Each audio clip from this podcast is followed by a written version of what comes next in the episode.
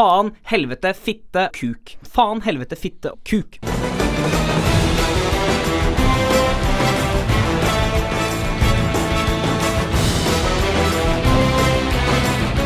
Sensur kan ta mange former. Det kan være endring av innhold av politiske eller moralske årsaker, det kan være tilbakehold av informasjon, eller det kan være sladding eller redigering av ord som faen, hette, fitte og kuk. Tight ser i dag på hvilke former for sensur vi ser og har sett i tegneserier. Jeg er Lars Solbakken. Jeg er Sunniva Malasei. Og jeg er Mats Naustdal. Følg med. Tell me, do you I have an army. We have a well, that's just as fascinating as the first 89 times you Du hører på Tights på Sentralradioen i Bergen. Jeg er Lars Solbakken. Jeg er Sunniva Malasei. Og jeg er Mats Naustdal. Og i dag så er temaet sensur.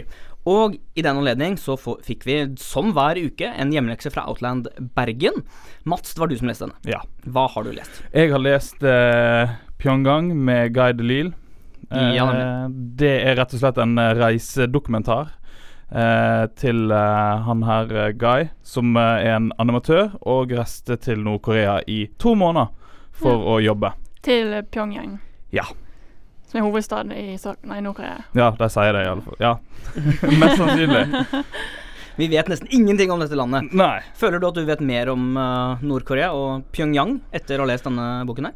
Ja, altså det Altså Sånn som en har fått inntrykk av, så er jo dette her ganske masse sannhet i det. Og eh, måten landet blir styrt på ved at f.eks. som en turist så har du ikke lov til å gå ute på gaten alene. Nei. Du må ha følge av en guide eller en tolk. Problemet er der at guiden og tolken har ikke lov til å være ute alene etter et visst klokkeslett. Mm, Fordi nei, okay. da må de bli sett med følge, altså av en sånn eh, eh, En eh, turist, da. Så hvis du er på fest, klarer å snike deg vekk på en fest, det blir for seint, så har du ingen mulighet til å gå noen plass. Mhm. Og guiden kan ikke ta taxi alene for å hente deg. Så du okay. er veldig stuck. Så i så fall så må du ha, bare finne en turist og så Hei, kan du bli med meg, for jeg må hente en annen. Det er Så- sånn type greie. To ting. Her ser vi én at du skal, bør kanskje ikke snike deg ut på fest i Nord-Korea. Nei. Og to, selv de som jobber for å sensurere din opplevelse som turist, blir sensurert av staten. Ja, det stemmer. Eh, og det som Det som er så sprøtt med dette landet, er at eh, de har seks arbeidsdager. Mhm. Den syvende dagen er da en valgfri dag. Altså, folk kan gjøre frivillig arbeid. Nemlig. Eh, som går ut på at ungene driver også og kaster bøtter med vann på plenen for å vanne gresset. Folk går ut i gaten og plukker søppel eller maler ting. Fordi at det, det er fridagen deres. Da kan jeg frivillig arbeid Det er det du har lyst til å gjøre når du har fri. Det, Det det virker som dette landet er fylt med veldig god arbeidsmoral. Og Ja, ja, alle er lykkelige og Eh, for du har jo et veldig stort hierarkisystem der, så du har liksom eh, Altså, jo bedre du har det, eller jo mer utdanna eller viktig person du er, jo mer mat får du. Mm. Og eh, jo lenger ned så får du mindre mat, og gjerne havne i fengsel eller ja, sånne ting. Stakkars. Men Ja. det er utrolig spennende at det er lagd en tegneserie om så Han har klart å komme seg inn i Nord-Korea og skrive om det etterpå òg. Så de kommer seg inn og ut, og så klare å formidle hva som skjer der inne, faktisk. Det er For vi vet jo veldig lite om det. Ja, det er ganske morsomt, og han kommer jo ikke tilbake igjen til Nord-Korea. Eh, det Nei, jeg tror ikke han er velkommen der.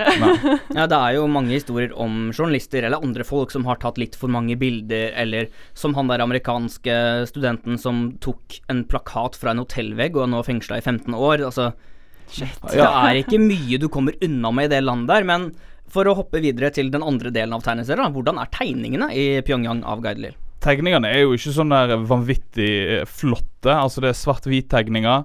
Uh, med altså veldig sånn karikaturtegninger av det, men det får liksom du får liksom stemninga av de forskjellige situasjonene han havner opp i. Altså Mm. når, du, når han blir surt og frustrert, så klarer du å se det i tegningene òg. Og Ikke bare tegning, ikke bare ansiktsuttrykk, men sånn hele tegningen. Ja, okay. ja, og bruke litt sånne andre effekter og litt sånne ting. Hva som foregår oppi hodet. Hvordan ser Mm. denne frustrasjonen hans ut i hodet hans. Okay. Så uh, uten ord, så bare ved hjelp av tegninger, så kan du liksom se at OK, nå er han, nå er han irritert. Ja, bare forsiden er jo veldig kul. Det er jo bilder av de der eh, de barna som er tvunget til å spille for uh, Det er åtte år gamle jenter som spiller på trekkspill, og med et stort smil. ja, De så veldig glad Litt vel glad ut. Men han sa det, han skrev det at når han var og så, så på dette her, faktisk, disse her jentene som der og spilte, så kunne han se på dem at eh, selv om smilene var der, så var det påtvunget. Mm, Og Smilte det kanskje ikke med øynene. Nei, og det så helt forferdelig ut. Han, han hadde liksom skrevet det der at det, han hadde, der hadde han lyst til å grine, for det var forferdelig å se på. Det var ikke noe behagelig i det hele tatt. Men jeg fikk ikke lyst til å reise til Nord-Korea etter å ha lest eh, Det, det er spennende å se hva som skjer hvis det en eller annen gang åpner seg opp, og eh, han får liksom Nordkoreanske får se resten av verden, og hvordan det kommer til å fungere, og eh, hva som faktisk skjer. Vi får vite hva som faktisk skjer der oppe. Mm, Jeg blir bare mer og mer interessert i å se dette landet her. Jeg Jeg, har den boka der stående i hylla, 'Pyongyang' av Gardlil.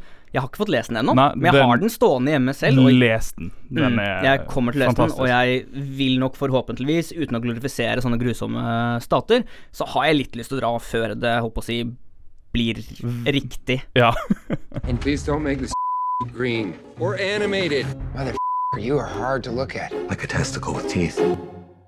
Mats, du leste jo eh, Pyongyang av Guy de Lille til uh, i dag. Det Det, har vi jo allerede snakket om. Uh, og der ser vi jo hvordan det i Nord-Korea er store, store mengder mer sånn uh, politisk sensur. Altså at staten går inn og kontrollerer alt som blir gitt ut av media. Altså, ja, du har Altså, jeg vet ikke hvor mange ganger Nord-Korea har vunnet Vunnet OL eller VM i fotball og diverse. Ja, de er Eh, voldsomt gode på det. Ja, ja. Eh, hva er det de har landa på sola og litt sånne ting, sikkert òg? ja, de er, de er kjempeflinke. De har jo vunnet over USA mange ganger i krig også. Ja. Og det Um, ser vi jo i tegneseriene deres, hvor amerikanerne alltid er liksom de onde skurkene, og eh, Nord-Korea vinner alltid og er gode og moralske og alt sånt. Mm. Vi har jo snakket litt om Nord-Korea allerede, og det er liksom ikke så mye mer å si, for vi vet ikke så veldig mye Nei, om det landet. Nei, vi er veldig nysgjerrige, men mm. eh, det er vanskelig å finne info, dessverre. Ja, men eh, det er jo andre land som i hermetegn heldigvis også driver med sterk politisk sensur av media og tegneserier og hele pakka der. Uh, Ja. Vi har jo f.eks. Midtøsten, eh, hvor eh, det har faktisk, hold deg fast, vært en ganske lang tradisjon for politisk satiriske tegneserier. Det er jo allerede starten, altså litt før starten av 1900-tallet var det jo en tradisjon for dette i det ottomanske riket. Um, og det Etter hvert så fant man jo ut at kanskje vi ikke skal gi ut alt, fordi uten å gå altfor Men dypt inn det på var tegneserier? Tegneserier, altså sånne type politiske rute Ja. rutetegneserier. For å si tegneserier enda en gang. Ikke karikaturer, altså? Uh, nei, vi kan jo ta det litt senere også, selvfølgelig. Uh, men allerede igjen på tidlig 1900-tall så kom det en lov i det ottomanske riket om at nå skal dere passe litt på, dere kan ikke fornærme staten slik som dere gjør. Og allerede da så var det jo Vi ser jo noe lignende i senere tid i Amerika med Com- Comics Call Authority, men man ser tegnerne da jukse litt, leke seg mer med formatet, tegne én tegning, og så uh, med gjerne noe som kunne viskes ut, sender det til sensuren, får OK, dette er greit, tar den tilbake, visker ut og tar det faktiske poenget sitt. Ok, ja, Mm. artig. Men det blir jo ikke særlig godt tatt imot, da. Det er jo ganske risikabelt, vil jeg tro. er ganske risikabelt. Ja. Det, det skal du ikke se bort ifra. Så selv om det er en lang tradisjon, så er det veldig håper å si, snille politiske tegneserier i disse landene her. Ja, det er jo mye Altså det er mye å tenke på, både for de har jo mye strenge religiøse lover i flere av disse landene, så de kan liksom ikke vise ting i tegneserier som er blasfemiske eller veldig sånn synd. De har regler på det, og også regler for avbilding av f.eks. kanskje avbilde Allah eller religiøse figurer, eller også mer sånn autoritære figurer fra parlamentet og sånne ting. De er mye, ja, de er mye strenge på det, ja. Mm, Det er mye som ikke går igjennom, og nå i senere tid så har det jo kommet en øh, faktisk muslimsk superhelttegneserie. Den kom vel i 2006. okay. Ja, den kom i 2006, den heter The 99, som da er Uh, Den baserer seg da på Er det 99 superhelter, eller er har, jeg har ikke lest den selv, Nei. men jeg tror det i utgangspunktet skal bli det. Okay. Jeg tror vi har sett én gruppe som da vokser eller noe sånt nå, men 99-tallet kommer jo egentlig ifra uh, Allahs 99 navn. Ah, ok. Mm. Uh, den har faktisk ikke blitt noe sensurert, Uh, kanskje fordi de prøver å være litt sånn Kule. ja, kule med staten, på en måte. Uh, men den har jo absolutt fått sterke tilbakemeldinger og beskjeder om at kanskje det her burde bli forbudt. Ja, og, Men hvem er det som skjer med disse forbudene da? Altså Er det staten sjøl, eller er Det det andre land som Det, altså det her er jo da arabisk, så det er forskjellige arabiske både nyhets, uh, nyhetssteder og eh, religiøse ledere som sier at det her går ikke, ass. Nei. Får Ja. selvfølgelig litt mer støtte fra Vesten og full pakke. Ja, og mye tegneserier må også godkjennes av Ministry of Culture and Islamic Guidance. Mm. Så det er liksom ikke fritt fram uh, for alle. Og det har jo på en måte tegneserieindustrien i Midtøsten lidd av òg. De har ikke den samme kreative friheten. Og de har ikke lyst til å bruke amerikanske superhelter, for de har så mye andre kultur og verdier, så de vil liksom lage sitt eget. Men så er det vanskelig å lage sitt eget når du på en måte ikke kan vise ting i staten eller i landet ditt som er problematisk heller. F.eks. For eksempel Metro, som viser mye sånn korrupsjon og sånn, ble eh, Altså han som skrev han, fikk mye problemer etter han skrev han. Mm. Det Man ser jo også For å trekke den tilbake til 99 igjen, som da faktisk er et eksempel på at dette går bra, de måtte jo få hjelp fra den amerikanske tegneseriebransjen. Det er, til å starte med så var det faktisk en del amerikanske forfattere som Eller vestlige forfattere og tegnere som holdt på med den. Uh, og det var også en, de, en crossover med Justice League. Okay. Bare sånn for å få en liten, kjapp start der for Ja. å gå videre. Um, Ja, så det var pub altså publiseringshjelp. eh, Det var ikke hjelp med innholdet i type 'hva har vi lov'? Vi vil få til dette her, men vi har disse, dette regelverket her vi må forholde oss til. Det vet jeg dessverre ikke så mye om, uh, men uh, vi kan jo rett og slett bare si at kanskje ikke det er de Amerika man drar til for å få hjelp da. Nei. Fordi de har jo stått bak en av de større politiske sensurkampanjene i tegneseriebransjen noensinne, og det får vi høre om straks.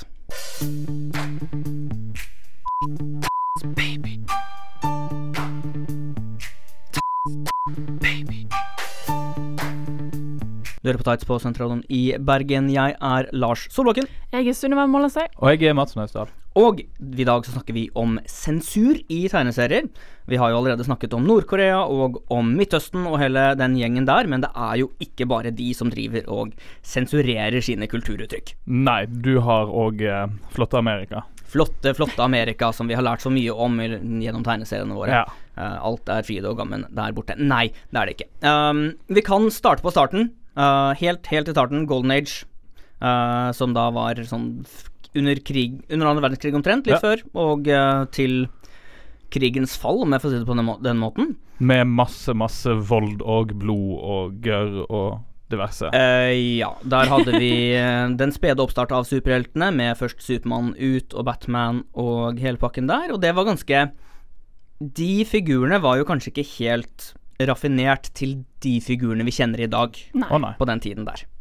Nei, det var litt mer drap og vold og litt mindre Eller de hadde jo moral, men eh, det var litt mer som var lov før. Mm, det var Må du drepe, så dreper du. Du ser Batman kaste folk ned for stup, og uh, Supermannen gå inn i krigen og faktisk blaste med laserskinnet sitt, nærmest. Det Ja. er noen ganske heftige um, hendelser der som vi overhodet ikke ha, har sett maken til i ettertiden. Nei. Eh, for etter hvert, rundt uh, da 50-tallet så smått begynte å nærme seg, så syntes flere voksne folk, som man gjerne gjør om- med nye medier, at vet du hva, den ungdommen den har ikke godt av dette her. Nei, for ting var jo det Tegneserier. Ja, tegneserier. For ting var jo det at tegneseriene etter krigen begynte å gå litt ned igjen, så de prøvde nye sjangere. Så det gikk jo over til litt sånn der eh, horror-type sjangerbaserte greier, som var enda mer ekstreme. Eh, ja, og en som hadde veldig problemer med dette, var jo eh, Frederick eh, Wertham, som var psykolog og diverse, og egentlig en ganske ålreit fyr. Han jobbet mye med eh, å bryte ned stigma mot barn med mentale lidelser, og hjalp mye fattige barn og ungdommer. Brydde seg veldig om ungdommer, da, kanskje litt for mye, eh, og ville da skjerme disse for eh, den ondskapen som tegneserier var. Ja, Det så var vel egentlig litt fordi at uh, han så at det var en link med at alle ungene jeg har her inne, de har iallfall én ting til felles, og det er at de, leser, de har vært borti tegneserie på et Mm. eller annet tidspunkt. Så han skrev The Seduction of the Innocent i 1954, som egentlig skapte stort rabalder i hele foreldre-USA. Ja, det var jo uh, outrage. håper jeg. Mhm. Og han mente jo mye det at tegneserier uh, lærer barn hvordan de gjør kriminelle ting. For hvis skurkene i tegneserier liksom eh, bryter seg inn i et hus, eller kidnapper noen, eller torturerer noen, så lærer jo barn å gjøre det samme, og vil gjøre det samme. Eller de blir sånn seduced til å gjøre det samme. Jepp. Og det førte da til at alle foreldre i hele USA nærmest sa at vet du hva, det her må vi ha kontroll på. Og eh, det kjente Comics Code Authority ble skapt som, om jeg ikke husker helt feil, et samarbeidsprosjekt mellom de store forlagene. Ja. Um, dette innebar at uh, man ikke kunne vise så veldig mye i tegneserier lenger. Det ble veldig begrenset. Eh, veldig lite vold eller blod eller gørr eller noen sånne ting. Eh, ikke noe sex, ikke noe nakenhet, ikke Knapt noe kvinner. Ja. kvinner egentlig. Hvis det var kvinner, så skulle det ikke se kvinnelig ut. I hvert fall ikke stå i posisjoner som kunne liksom vise en eh, kurve, holdt på å si. Nei, og på coveret på uh, framsidecoveret på uh, tegneseriebladene så var det liksom ikke lov til å ha ord som crime eller horror eller thriller eller noe sånt på. Nei, for det vil jo da Eller sex. Ja, Det- selvfølgelig. Det snakker vi jo ikke om uansett, kjære deg, lille Sunniva. Det, det, det går jo ikke an. Og alle politifolk skulle vises på en bra måte. Mm. Alle liksom Altså, autoritære folk skulle være respektert, Mm. selvfølgelig. Ja.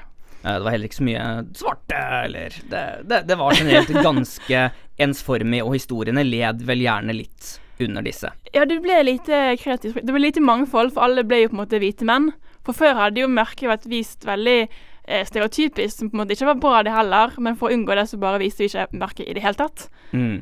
Eh, og ikke kvinner heller, for den saks skyld. Og vi kunne ikke kritisere noe. Og alle, altså, alle kriminelle skulle straffes, alltid. Og du skulle ikke kunne sympatere med dem i det hele tatt. Nei. Eh, så det blir veldig sånn lite nyanserte historier. De var liksom, de var onde, de kommer i fengsel. Mm. Og heltene er gode. Det var liksom ikke noe sånn Hvem har rett, hvem har galt? Er det liksom en grenseland her? Nei. Svart-hvitt. Det går ikke. Men etter hvert så ble det et ganske stort problem Altså, samfunnet hadde flere og flere problemer, og man måtte på en, en eller annen måte opplyse om disse. Uh, og det ble vanskeligere og vanskeligere for tegneserieskaperne å i det hele tatt holde seg til Comics Code Authority. Fordi det var et doproblem i USA. Det var uh, Skal du prate om eh, helten din igjen nå? Vi skal nevne helten min i hvert fall. Men en av de tingene som fikk Comics Code Authority og all sensuren som det førte med seg, var to historier med Spiderman. Den ene var eh, Da ble det vist narkotika, at det fantes, og det var uh, dumt og teit. Og det at det hele tatt viste at narkotika fantes, det var ganske heftig for Ja, det er drøyt. den gjengen her. Men greia var at autoriteten da skjønte at Vet du hva, vi, vi må faktisk opplyse litt om dette. Så da er greit, narkotika skal vises, men man skal se at det er kriminelt, men det er også en lidelse. Det ga videre vei for at man fikk se mer dop i Spiderman. Ikke at det skjedde veldig mye, men en av kompisene hans ble f.eks. avhengig. Og så fikk man den som vi snakket om ofte, Green Lantern Green Arrow-serien, hvor Speedy blir narkoman. Ja. Og så begynte egentlig Comic Code Authority sakte, men sikkert å løse seg opp. Man hørte ikke lenger på dem, for det var aldri et statlig kontrollert organ. Nei. Nei, det var, jo bare at du fikk et si, stempel av de, sånn Ja. approval. Eh, og for å kunne selge tegneserier, så måtte du nesten ha det. Det var ingen som kjøpte tegneserier som ikke hadde det. approval. Men så var etter hvert så ble det liksom sånn at OK, vi kan ikke publisere denne tegneserien eh, sånn som den er. Vi må enten endre på den, eller så selger vi den uten stempel, altså uten den der Mm. mm. Comics Code Authority. Og etter hvert så gjorde jo folk det, og der fikk jo faktisk selge tegneserien sin eh, bra likevel. Ja, det, det gikk faktisk helt fint, men uh, det har uh, brakt med seg noen ting til tegneserien vi kjenner i dag. Wolverine. Sue Storm. Ja, hun har jo vært Wolverine. Ja, det er, altså, eh, er jo kjempe... Hæ? Hva, hva har du i dag? I Tight så snakket vi jo tidligere om hvordan Comics Code Authority til slutt fikk en ende, og folk kunne drepe igjen, de kunne ta dop, de kunne vise frem svarte i tegneserier, Og kvinner. kvinner, og alt ble fryd og gammen. Eller Nei, Ja, det, det var ikke bare bare. Det var en gradvis overgang. Holdt på å si. det, det var en meget gradvis overgang. Og Comics Code Authority, selv om det er dødt og begravet og ingenting i spørsmålstegn sensureres i amerikanske tegneserier i dag, så ser vi jo fortsatt etterdønningen, eller skal vi kalle det en arv, etter denne store Ja, for tegneserien tok på en måte en veldig annen retning etterpå. Altså, For Golden Age var det jo en veldig stigning i tegneserier, og alle leste det, og det var konge, og det var veldig populært. Og så fikk de plutselig et veldig dårlig rykte. Fordi det var, alt skulle være så barnevennlig. Ja. Til slutt. Eh. Og så ble alt, alle tegneseriene ble jo ekstremt barnevennlige og veldig sånn campy og veldig sånn Som er gøy, det òg, men det er ikke alltid alle Altså, liker det. Nei, sant, altså det er jo liksom det opphavet til Archie og den slags, sant. Mm. Og eh, det er jo gjerne derfor kanskje tegneseriene har et rykte på seg den dag i dag at det, Ja, men det er jo for barn. Ja, tegneserier er jo for barn, og det blir jo da bare bekreftet og bekreftet fordi man har gitt barnetegneserier. Ikke at det er galt. Nei. Nei, nei. Men man må også tenke på at de som da vokste opp under Silver Age og under Comics Code Authority, også har blitt voksne. Ja, og vil ha voksne tegneserier. Ja. Med voksne temaer. Det, Som dop og som dop og som mentale lidelser. Som, det, det er så mye mer vi ser. Men det er jo fortsatt et par punkter som jeg er, igjen i sånn spørsmålstegn, glad for at vi hadde Comics Code Authority for. For eksempel, vi snakket jo om at både Supermann og Batman som drepte før, før krigen. Mm. Og så sluttet de å gjøre det fullstendig. Og det gjør det jo ikke lenger heller nå. Man ser jo hvordan, hvor sure folk ble da Supermann drepte i Man of Steel. Ja. For eksempel, det er jo store etterdønninger når en superhelt som Supermann gjør noe sånt noe. Man ser hvordan Spiderman har denne totale At ingen skal dø rundt ham. Mm. Men altså, det som, og det som er så bra med det, og så stilig med at det faktisk er sånn nå, er jo at du kan ha helt andre Det åpner opp helt andre nye problemstillinger som kan komme fram i, eh, i tegneserien. Altså det, det valget, det evige valget om at eh, en må hver gang passe på å ikke gå over den linja. Mm. ja, og hva skiller heltene fra de kriminelle, på en måte. sant? Eh, og så åpner det også opp for muligheten at du kan få skurker som kommer tilbake igjen eh, flere ganger. Ja, så det er et godt Eh. Ja. Ja, sant? For det, hvis ikke så kunne de bare drept alle, og så var de ferdige, liksom, og så var det godt dem et Vel, fint sted å bo. Vel, helter kan jo dø i tegneserien og komme tilbake igjen hele tida. Og det er jo for så vidt skurkene òg. Ja, men uh, i hvert fall så ser man også Ikke bare der vi som fans blir sinte når Supermann dreper et eller annet sånt, men man ser jo også det innad i tegneseriene. Man ser en, For å ta en figur som har drept tidligere, da, som f.eks. Captain America under andre verdenskrig, så drepte han nazier. Mm, han, han gjorde, det. Men de var jo nazier. Ja, og så ser man når han kommer tilbake på 60-tallet til Avenger-tegneseriene og utover tiden, så er det jo ingen, ikke noe drap. Her skal det ikke skje. Nei. Eh, da er det én hendelse som jeg tenker på, som var Det var et gisseldrama i en eller annen snø Et eller annet snøsted. Hvor Hath? en- Hm? Hath? Det- La oss si Hoth. Nei, det er ikke. Star Wars vi snakker om. Uh, hvor man ser en terrorist med alle disse gislene gå bak en svær mitraljøse og plaffe dem ned. Så én person i sekundet, liksom. Drepe masse, masse folk. Eneste valget Cat America har, er å drepe den terroristen. Mm. Og da Det gir jo så store konsekvenser for ham personlig. Han går jo Ja, for han dreper han. Ja, han dreper Ja. et annet menneske. Han går så ned i kjelleren og blir helt satt ut. Han går inn i seg selv, og det gir jo, for å se det positive i det, gode muligheter for videre karakterbygging. Ja, det var jo det jeg mente i stad. At det er liksom det blir, det blir spennende. Du har masse sånne problemstillinger som heltene kan ha, som blir spennende ut av det. Men så er det òg ganske morsomt å så gå tilbake til Silver Age og så lese alle disse fjollete tegneseriene som kom da. Ja, hvor alt var fryd og gammen, og de bare kastet ball med hverandre, nærmest. Man Ja. ser Supermann-coverne hvor Supermann gifter bort Jimmy Olsen med en orangutang bare fordi det De må ha en måtte handling. Når de ikke Ja, altså, det som var morsomt med Silver Age-coverne, var jo det at de ble gjerne tegnet først. Ja. Fordi at vi må, greit, vi må i hvert fall få folk til å kjøpe noe når disse tegneseriene er så sinnssykt kjedelige. Så må vi få folk til å kjøpe noe, da må vi ha et morsomt cover. Og så prøvde da de som tegnet og skrev historiene, bare sånn Greit, vi må kanskje sånn halvveis jobbe ut ifra det her. Og så fikk man en dårlig kontinuitet i tegneseriene. Men bra cover, da. Det er Ja, noe. Veldig bra cover. Men en annen ting som var litt litt, det er jo på en måte For kvinner var jo egentlig en stor del av tegneserier i eh, Altså i Golden Age. Mm. Det var mye altså Spider-Queen og Lady Satan og flere altså, altså Red Woman, altså flere sterke kvinnelige karakterer. Men de forsvant jo helt under uh, Silver Age og Comic Con Authority. Mm. Og så har de på en måte kommet litt tilbake igjen nå, men ikke nødvendigvis på bra Altså det ble mye seksualisering når de først fikk kvinner igjen. Ja.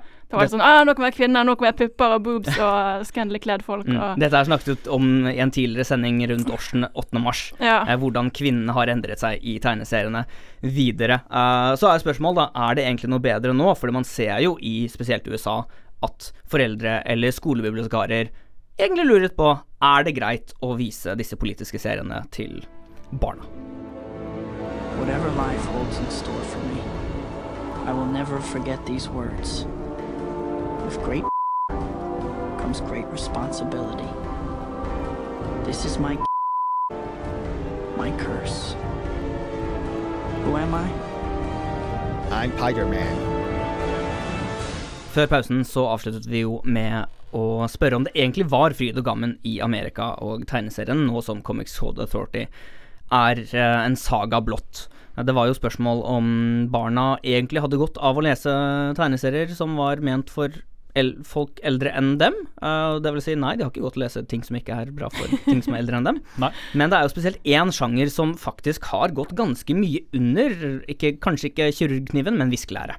Ja, eh, og det er manga, altså tegneserier fra Japan. Eh, og kanskje en mann var som er fra Korea. Eh, men hvor de da har en veldig annen kultur og en annen sensur i Japan.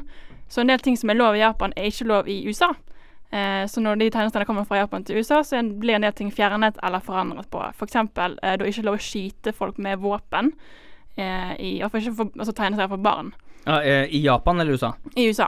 Ja, i USA, nei. Ja. Eh, der må de på en måte fjerne De gjorde det i en Pokémon-episode òg, faktisk. Nå var liksom, enten den må det være sånn vannpistol. Altså, eh, de kan slåss, men ikke skyte folk med pistol. Den episoden ble vel faktisk aldri sendt i USA, meg bekjent, men uh, vi Det er ikke det vi snakker om. Det er så tight.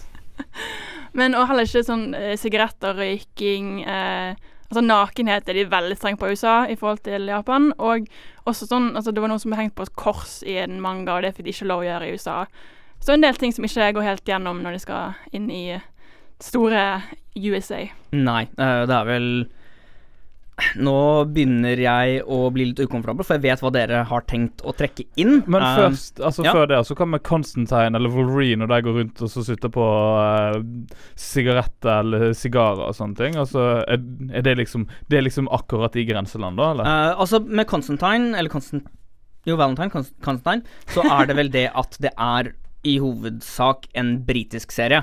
Så det er litt uh, okay, ja. Men det er ikke så strengt på det sånn egentlig. Men jeg husker jo det er først i senere tid at man virkelig har kunnet røyke i Donald og Mickey Mouse, f.eks. Mm. Uh, man, men man gjerne, har gjerne hatt sitt- substitutter, men det har kommet seg etter hvert, da. Ja, og en ting er jo tegneserier for eh, eldre folk, men for barn så er det mye strengere regler. Ja, absolutt. Og eh, japanske tegneserier er jo alle barn. uh, så det må jo være for barn også, må det ikke det, Sunniva? Nei, det er ikke alt som er for barn. Det er spesielt én uh, si sjanger eh, som er kalt hentai.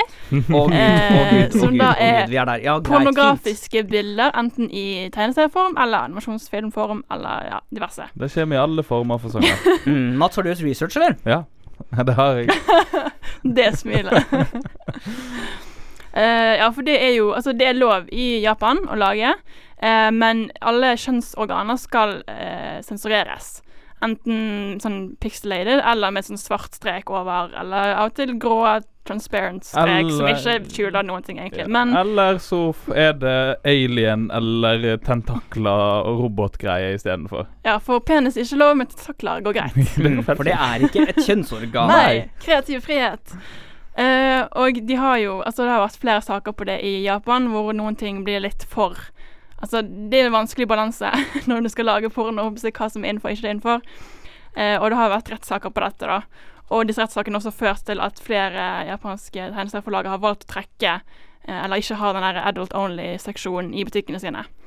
Eh, men nå har det også vært folk i USA som har blitt arrestert for besettelse av manga eh, i sitt private hjem. Ikke bare som å selge det, men å ha det i huset sitt eh, ikke lov. Men det er vel litt fordi at eh, disse karakterene som er med der, har gjerne ikke eh, De ser veldig unge ut. Ja, men det har vel noe med at den seksuelle lavalderen i Japan er 13 år i stedet for Ja, eh, pluss at folk i anime og manga ser veldig unge ut generelt. Eh, og det er ikke alltid på en måte de sier hvor gamle de er heller. Eh, og noen ganger så unngår de det ved bare å si at de er 18, selv om de ser Mm. ut som de er 13. Eh, eller så sier de at de går på college istedenfor at de går på high school. Eh, men en del amerikanere føler at det ikke er helt OK for det. For når de ser på såpass unge ut, så er de på en måte Da er de barn, og da er det pedofili. Og folk har blitt arrestert og, som sex offenders for å ha dette i huset sitt. Ja, fordi det er forskjellige regler. Det er litt sånn Ja, men så er det også det er, ja, men det er på en måte Det er ikke ekte, og det er jo ikke noen barn som har vært på en måte, skadet i dette, og det er jo en fiksjonelle karakterer hvor ikke de samme reglene eh, applyer i dette i denne fantasiverdenen som ble skapt, så det er på en måte sånn Hvordan finner du grensen? Eh, og i USA har de jo lov med porno hvor Altså Før måtte du være 18 år og se 18 år ut for å spille porno, men nå kan du bare være 18 år og se ut som 13 år og spille Ja. porno. Og det er jo en egen sjanger i USA òg. Eh, og det er lov, men ikke lov med hentai hvor de ser ut som de yngre, selv om de ikke nødvendigvis er det, selv om de er tegnet. Så det er sånn Hva er egentlig verst der? Hva er egentlig best? Altså, Jeg vet jo også at det var, eh, Dead, et, det var Dead or Alive-spill, altså denne slåsseserien med Ja. store, store pupper. Ja. Eh, Ja. Den ble jo Den Den siste til 3DS kommer faktisk ikke til Norge, fordi det var en figur som så yngre ut enn det hun var. ja, stemmer det. Eh, og for å dra det tilbake på pornodebatten, som vi åpenbart har, i Australia, om ikke ikke er helt feil, der er det ganske strenge. Der har, jo, har de jo ikke lov til å være med i pornofilmer, med mindre de har så og så store pupper, bare sånn for sikkerhets skyld. ja, de ikke skal se underage ut. Ja. Artig, Såpass. holdt jeg på å si. Ja, for jeg Mm. vet at eh, denne Skins, den engelske serien, ble ikke vist i USA fordi de skuespillerne der er for unge, og de har sexscener i serien. i Ja, til, eller- ja. Ikke sant. Så det er, ikke, det er ikke bare bare å ha sex i USA, holdt på å si. Så bra vi er i Europa, da. Mm, men i Japan så er det helt greit å lese denne pornotegneserien på bussen, eller hvor du nå enn vil. He says he's an a hole, but he's not, and I'm quoting him here, 100% a d- Do you believe him? I don't know that I believe anyone's 100% a d- man. Dette er Tights på Sentralen i Bergen, og uh, jeg har, kan må med tungt hjerte meddele at vi begynner å bli ferdig for i dag. Au. Au. No.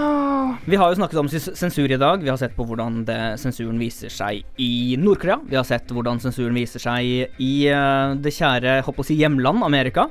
Og vi har selvfølgelig sett på Midtøsten og uh, Japan i tillegg.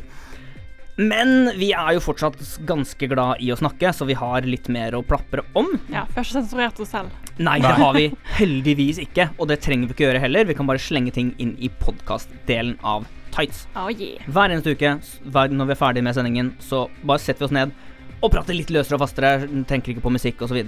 Og, legger det ut som en helt eksklusiv podkastgreie. Hvor finner man podkastene våre? Den kan du finne på uh, srib.no slash tights i iTunes, eller der du ellers, finner dine podkaster. Ja, vi er også på sosiale medier, hvor vi er eh, på Facebook. Facebook.com slash tightstrib i ett ord.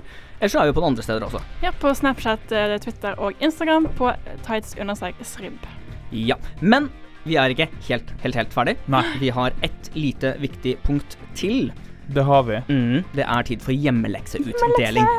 Sommer, og eh, til denne gang så er det Lars som skal få hjemmelekse med seg. Ohoi, oi, oi, oi, Og dette er It's a big one. Å nei, jeg har jo It's a bachelor å skrive. one. Å, stakkars Jeg har ikke begynt ennå, så det går fint. det, det er jo litt religion inni dette her, da, kanskje. Litt sånn egyptisk religion. eh, Ja, for det er det jeg skriver. Ja. Nei. Nei. With til eh, neste gang så skal vi faktisk uh, kanskje forhåpentligvis prate litt om X-Man-filmen som kommer nå. Vi skal det. Ja, vi skal det. vi skal snakke Age om of Apocalypse. ja, X-Men Apocalypse kommer nå om ikke så altfor lenge. Jeg husker ikke datoen i hodet akkurat nå. Men eh, til da var det jeg får lese. Du får lese X-Men Alpha, The Age of Apocalypse. Og den der har jeg hørt om. Og uh, den er stor og fin, og den er fra 90-tallet! Yeah, Ja. Med glade farger og sånn. Ja, her ting. ser vi jo om det enten er Magniro eller hvem det nå er, og veldig mange folk i forskjellige klær enn hva jeg vanligvis vet Ja, kjenner dem. Og de ser litt sånn Alle ser litt ut som Wolverine, egentlig. Alle ser ut som Wolverine fordi det her er 90-tallet. Når jeg ser inni, så er det jo Det, det er Rob Liefeld, det er helt klassisk 90-talls stygge, om jeg får si det, Ja. tegninger. Uh, og eh, på baksiden så står det at Charles Xavier er død, med et skikkelig badass bilde av både Sabertooth og Wolverine Nei, ikke Wolverine, men uh, eh, Magneto og Rogue og hele pakka der. Jeg gleder meg ikke helt, Jo men da. det, det blir jo gøy allikevel. Det blir gøy likevel. Det blir bra. Ja. Uh, vi må, før vi er ferdig, takke én Outland som ga oss den serien. Ja, tusen takk til deg. Uh, og uh, vår fantastiske nydelige prosent Lovise Altmann Antonsen. Mm, tusen takk. Mhm. Takk til dere, Mats og Sunniva, for å være med meg i dag. Og takk til vår kjære, kjære lytterskare. Og bortsett fra det, så får dere ha en god dag videre. Og hvis dere er på radio, hør på Skumma kultur som kommer etter oss.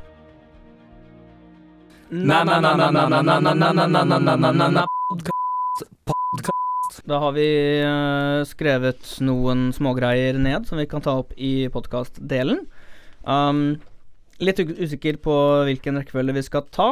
Det er nyheten om eh, Black Panther-filmen. Det er sånn hva vi har Det er litt sånn hva vi har lest i siste. Og så har vi et par lytterspørsmål. Kult. Eh, er det jeg klarer å tenke meg vi Vent kan litt med lyttespørsmål. Hmm? Vente litt med Ja, gjøre det. Um, ja, vi kan ta Black Panther, da.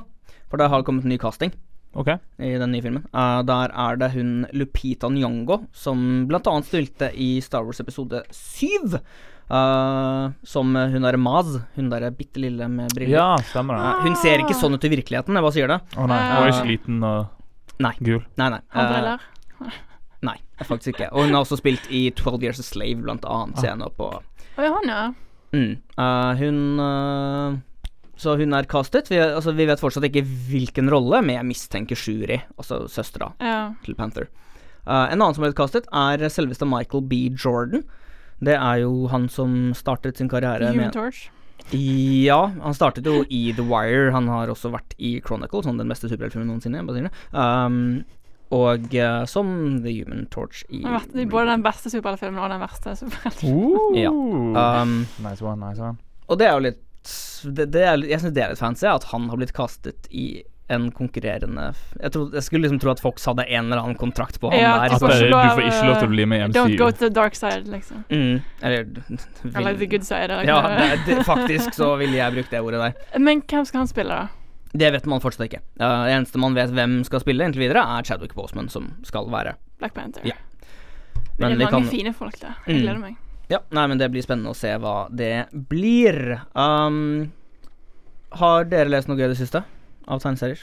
Vet du hva, den uh, Jeg har stort sett kun vært borti denne Pyongyang. Pyongyang, ja. Pyongyang. Pyongyang. Sunniva, har du lest? Jeg bare venter på den der uh, Four Kids Walk Into a Bank nummer to skal komme ut. Altså, du nekter å lese tegneserier til neste blad Ja, kommer? sånn Den var så bra. Den, den var eh, faktisk helt Jeg kan ikke liksom uh, solly meg selv før jeg. Er det okay, egentlig? ok, ok. Nei da, jeg skal ha eksamen, vet du, så jeg kan ikke lese så mye. Å Men den, dere, skal, den skal jeg lese. mm, dere er sånne som bryr dere om at dere har eksamen og innlevering og Som sånne ting? ikke Ja. og sånne ting. Oh, ja. Sånn som visse andre personer. Ja, for jeg gjør det. Ja, det veit vi. Det veit vi. Jeg har lest Daredevil, jeg. eh, Ja. og ikke i sammenheng med bachelorskrivingen. Ah, Eh, det er jo en ny Daredevil-serie nå. eh, Mm. Skrevet av Charles Char. Charles Soul, eh, og tegnet av litt forskjellige folk. Den er kul. OK. Nice. Jeg liker det. Charles Soul er jo advokat selv. Oi. Uh, Som han har insider information. Mm. Uh, ja, sannsynligvis. Nei, det var han som skrev Han skrev jo også den She-Hulk-serien, som var til tolv blader. Ok. Ja. Eh, og mye annet også. Death of Wolverine og hele pakka der. Men i hvert fall, den jeg, jeg tror jeg liker det. Den er et veldig stemningsskifte fra den forrige Daredevil-serien av Mark Wade og Chris Amney. Mm. Den er mye mørkere, den er eh, ganske så direkte voldelig, Ja. men ja, Litt sånn som det det var serien. ja, nærmere det, og det Ja. er det nok en grunn til også. Ja. Um, men der har, han har skiftet drakt. Oi. Uh, han, den er svart, og det er bare en litt sånn rød Såpass mørkt så det Ja, ja, altså den, er Drakten hans er klin svart. Eneste rødt er øynene, øynene hans, D-ene, uh, et belte, mener jeg, og eh, støvlene. OK. Okay. Uh, om jeg ikke husker helt feil. Uh, Fancy. og eh, han har fått en eh, sidekick, Oi. ja, som kaller seg blind spot. Uh, det, nei. han, han, han kan gjøre seg usynlig. Han er, han er I kjempesmart, eh, ulovlig kinesisk innvandrer. Eh, Det var også, sånn, det også sånn 80-talls- eller 90-talls. Ikke sant? Uh, ulovlig kinesisk innvandrer som bor i Chinatown og har lyst til å beskytte det. Akkur altså likt Daredevil for Hell's Kitchen, Ja. så vil han beskytte Chinatown, da. Er han Eh, blind? han er ikke blind, men han er såpass smart at han har klart å lage en drakt som går på vanlige batterier, som man kan kjøre, kjøpe i butikken og gjøre meg synlig. Okay. Derav navnet. Jeg skal ikke gå sånn altfor mye inn på det, fordi det er noen ganske viktige story-greier med nettopp han der. Um, en annen ting som er spesielt med denne serien, er at endelig så har Matt Murdoch gjort det som kanskje er mer logisk, og er ikke lenger forsvarsadvokat, men eh, heller aktor. så han faktisk, i stedet for å potensielt beskytte de han prøver å få fengsla, Ja. Så Så kan han bare gå all in og Ta kriminelle både på gaten og i rettssaken. Ja. Den er smart. det er, Endelig har han liksom innsett Det er at- egentlig mye mer logisk. Ja. Så det, det er? Jeg vil nå si at det er en riktig retning, sånn rent Sånn at han skal slippe å tenke så mye over det. Ja, det blir så mye dobbel uh, Dobbeltroller og ja, hele pakka der. Um, Apropos Daredevil og sensur. Daredevil, Den gamle filmen som er kjempedårlig, Mm. ble sensurert i et par land, faktisk. Ja, den? Fordi det var så mørk Mo. for å være superheltfilm. Den var ikke så veldig mørk, men Det var et eller annet dere nevnte mens dere snakket om sensur, jeg husker ikke hvor det var, men hvor jeg hadde lyst til å trekke fram Ja, men den serien ble faktisk Den ble faktisk forbudt i et eller annet, men nå husker jeg ikke hva det var. det var ikke Pokémon. Eh, nei, det var ikke det, for det, der kommenterte jeg det faktisk. Ja. Uh, men jo, uh, jeg liker den nye Daredevil-serien godt. Den er kul, og den klarer å legge opp ballen til at her kommer det noe mer. Mm. Fordi i den forrige Daredevil-serien så var jo det, Eller skal vi se, den fra 2012 sluttet jo med at Matt, Matt Murdoch gikk offentlig og sa 'jeg, Matt Murdoch, er Daredevil'. ja. Og så fortsatte jo den fra 2014 det videre, og at han da dro til uh, San Francisco, hvor han fortsatt kunne drive som advokat, og var en offentlig Daredevil, som okay. alle visste hvem var. Uh, men nå vet ingen det lenger. Nå er han tilbake i New York, og uh, ingen vet hvem han er, bortsett fra Foggy. Ja. Um, og det legges veldig opp til at Daredevil vet dette. Han tenker hele tiden sånn Skal jeg si det? Skal jeg si det? Du vet egentlig hvem jeg er. Du har visst hvem jeg er. Så det er jo åpenbart den samme Daredevil som vi hadde før Secret Wars. Det er ikke en ny figur. Det er den okay. samme som har blitt flyttet over og har gjort et eller annet som vi ikke vet ennå. Det er bare snakket om at jeg, jeg har ofret veldig mye for at, skal, for at ingen skal vite hvem jeg er lenger. Okay. Uh, så det, det, det er nå en lengre skisse for hva som kommer til å skje. Og det, jeg liker det, jeg er nysgjerrig, og uh, kunsten er kjempepen. Super, supermørk, og nesten ingenting har lysere enn uh, sepia. Uh, men veldig, veldig kul. Nice. Det høres kult ut. Mm. Så den satte jeg veldig stor pris på, og den viser også på en veldig annen måte, men den viser fortsatt den blindheten til Matt Murdoch på en kul måte. Mm. Ja. Nei, men det er jo ganske stilig. Mm. Um, vi har fått spørsmål. Yeah, Oh, spørsmål. yeah. Uh, vi har fått spørsmålet fra Katrine, som spør hva er greia med Charles Xavier egentlig? Er han udødelig? Jeg syns jo han dør hele tiden, men han kommer jo alltid tilbake. Ja, det stemmer. Ja. Alle er jo dødelige tegneserier. Ja, vi, det er det enkle svaret, sånn egentlig. Um, alle dør i tegneserier og kommer tilbake i, Fordi igjen. det ikke er ekte personer. det er Mhm. derfor. Jeg kan ikke svare. Sorry to break it to you guys. Jeg kan ikke svare sånn helt direkte på det, fordi at Altså, han skal jo han, Så han kan jo i prinsippet dø. Han er jo ikke Han har jo ikke et eller annet sånn uh, Han er ikke spesielt Deadpool, liksom. Nei, han er ikke udødelig. mm, er han Sist han ble drept, øh, så ble han, forble han vel faktisk drept til Secret Wars. Det var jo uh, under under Axis, eller rett før Nei, det var litt før. Det var under uh, Avengers. X-Men. Der døde jo Charles Xavier. Ja. Og så ble hjernen hans relevant igjen i Axis. Det var sånn det var. Ja, okay. Fordi, hallo, det, hjernen råtner jo ikke eller noe. Jeg bare føler alltid Nei. at hjernen lever videre hver gang, Mm. hver gang det skjer noe. Plassert oppi et eh, glass med en et eller annet alkoholinnholdig væske, og det å flyte der og Dreper ikke alkohol i hjerneceller. Hæ? Dreper seg alkohol i Jeg vet ikke om det funker sånn. Eller, men det er vel sannsynligvis formaldehyd uansett. Ja. Um, men ja, han uh, dør der, og så er det jo morsomt nok, uh, med tanke på at jeg fikk den X-Men Age of Apocalypse, som Ja. da sier Charles Xavier er død. Greia med det er jo at det er i en annen tidslinje. Ja. Så det er alt lov. Ja, Der. altså der det, det som skjer det, Greia med X-Men Age of Apocalypse var jo det at Jeg tror de mente å gjøre det riktig, og så fant de ut at her har vi skrevet oss inn i et hjørne. Ja. OK. Så det viser Så de bare Ja, greit, det her er uh, i et annet univers som skjedde av at Xavier da plutselig døde. ok Ja, ok, så, så det telles ikke? så Det tels Nei da, på en måte ikke. Nei, merkelig det der med I hvert fall med X-Men og litt sånn der uh, parallelle univers, uh, litt tidsreise og Mm. litt sånn Ja, nei, det Frustrerende greier så det der. Ja. Um, og andre ganger så har han gjerne blitt sånn hjernedød eller et eller annet sånt noe. Men han har dødd flere ganger, men det enkle og en, egentlig eneste svaret er det her er tegneserier. Supermann har ødelagt døden i tegneserier. Ingen kan dø fullstendig. Bortsett fra forhåpentligvis fortsatt uh, onkel Ben og Gwen Stacy. Så får vi se hvordan det går. i- ja, det er de to som dør om igjen, om igjen, om Ja. igjen. om igjen. Så vi bare håper at de fortsetter å være døde etter Dead No More, som kommer nå i høst. Ja, stemmer det. ja. Det var noe der. Mm, mm. Uh, så der skal vi slutte å snakke om Spiderman. Uh, Alltid svaret. Og så kan vi begynne å prate om Wolverine igjen. På en måte, fordi eh, hun eh, Katrine sier også Og mens vi er inne på X-Men, hvor gammel er egentlig Mystikk? Ja. okay. Um, fordi i uh, X-Men-filmene, de nye, Days of Future Past osv., Ja, First, first Class, class. så har jo de vokst opp sammen. Altså Charles Xavier og Mystique vokste opp sammen som søsken, Ja. nærmest. Uh, men det viser at hun er jo eldre enn det i tegneseriene. Ok. Uh, Det er, det er Ingen vet helt hvor gammel hun er. Uh, det første registrerte håper jeg, si, uh, tilfellet at hun fins, er da hun møtte sin kjæreste Destiny, altså jentekjæresten sin. Og det var da rundt starten av det 20. århundre, så på nitt- sta, så 1900 et eller annet. 19-0, ja. Ok. Mm. Så, Så, hun, Ganske gammel, da. Ja, moren Men- til uh, Nightcrawler er gammel. Ok. Du visste at hun er moren til Nightcrawler? Ja, ja, ja, sånn, Mm. ja. Spider-Alert. Jeg bare elsker navnet hennes. Raven Dark Helm. Ja. Med, altså O med tødler. Det er så vakkert. ja Det sant. er, Men nå ser jeg jo ikke gammel ut, da. Er det Nei, bare- nei, men det er jo ikke Altså Wolverine har jo begynt å se litt gammel ut, men han er jo Det er vel 1700-tallet, han eh, eh, Ja, noe sånt 1600-1700-tallet, noe sånt han eh, og der har vi jo faktisk fått en faktisk origin også. Ja. Mm. Så det, det vet vi, men mystikk er vi fortsatt ikke sikre på. Mm. Så Men- mystikk. Men jeg var jo her um, det, det skjedde faktisk for en liten stund siden, så, men jeg kom på at jeg ikke hadde nevnt det. Men det har jo kasta litt til eh, Wolverine-filmen nå. Mm. Uh, og eh, grunnen til det jeg fant ut av det, var at jeg følger Jeg følger jo litt kjendiser på Instagram.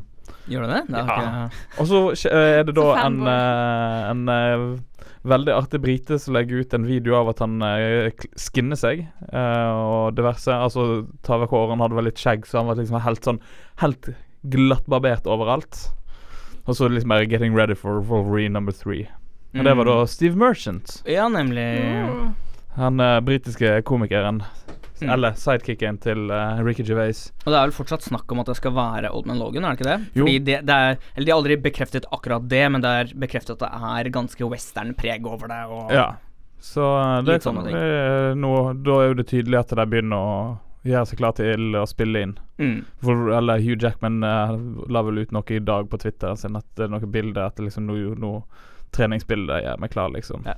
Så Ja, den, den vanlige, den som vi så fra Tom Holland og full pakke lenge, lenge, lenge før Civil War kom. Ja, ja, Ja. Men vet dere hva? Nei, Lars. Vi er tom for tid! OK. Du sensurerer oss. Nei, det gjør jeg ikke. Uh, jeg sensurerer dere ikke, men vi er faktisk tom for tid. Og det er uh, trist, men sant. Takk til alle sammen som hørte på. Gi oss fem stjerner, iTunes osv. Ja. Uh, og så får dere ha en strålende dag, alle sammen. Ja, rett og slett. Ha det. Ha det bra.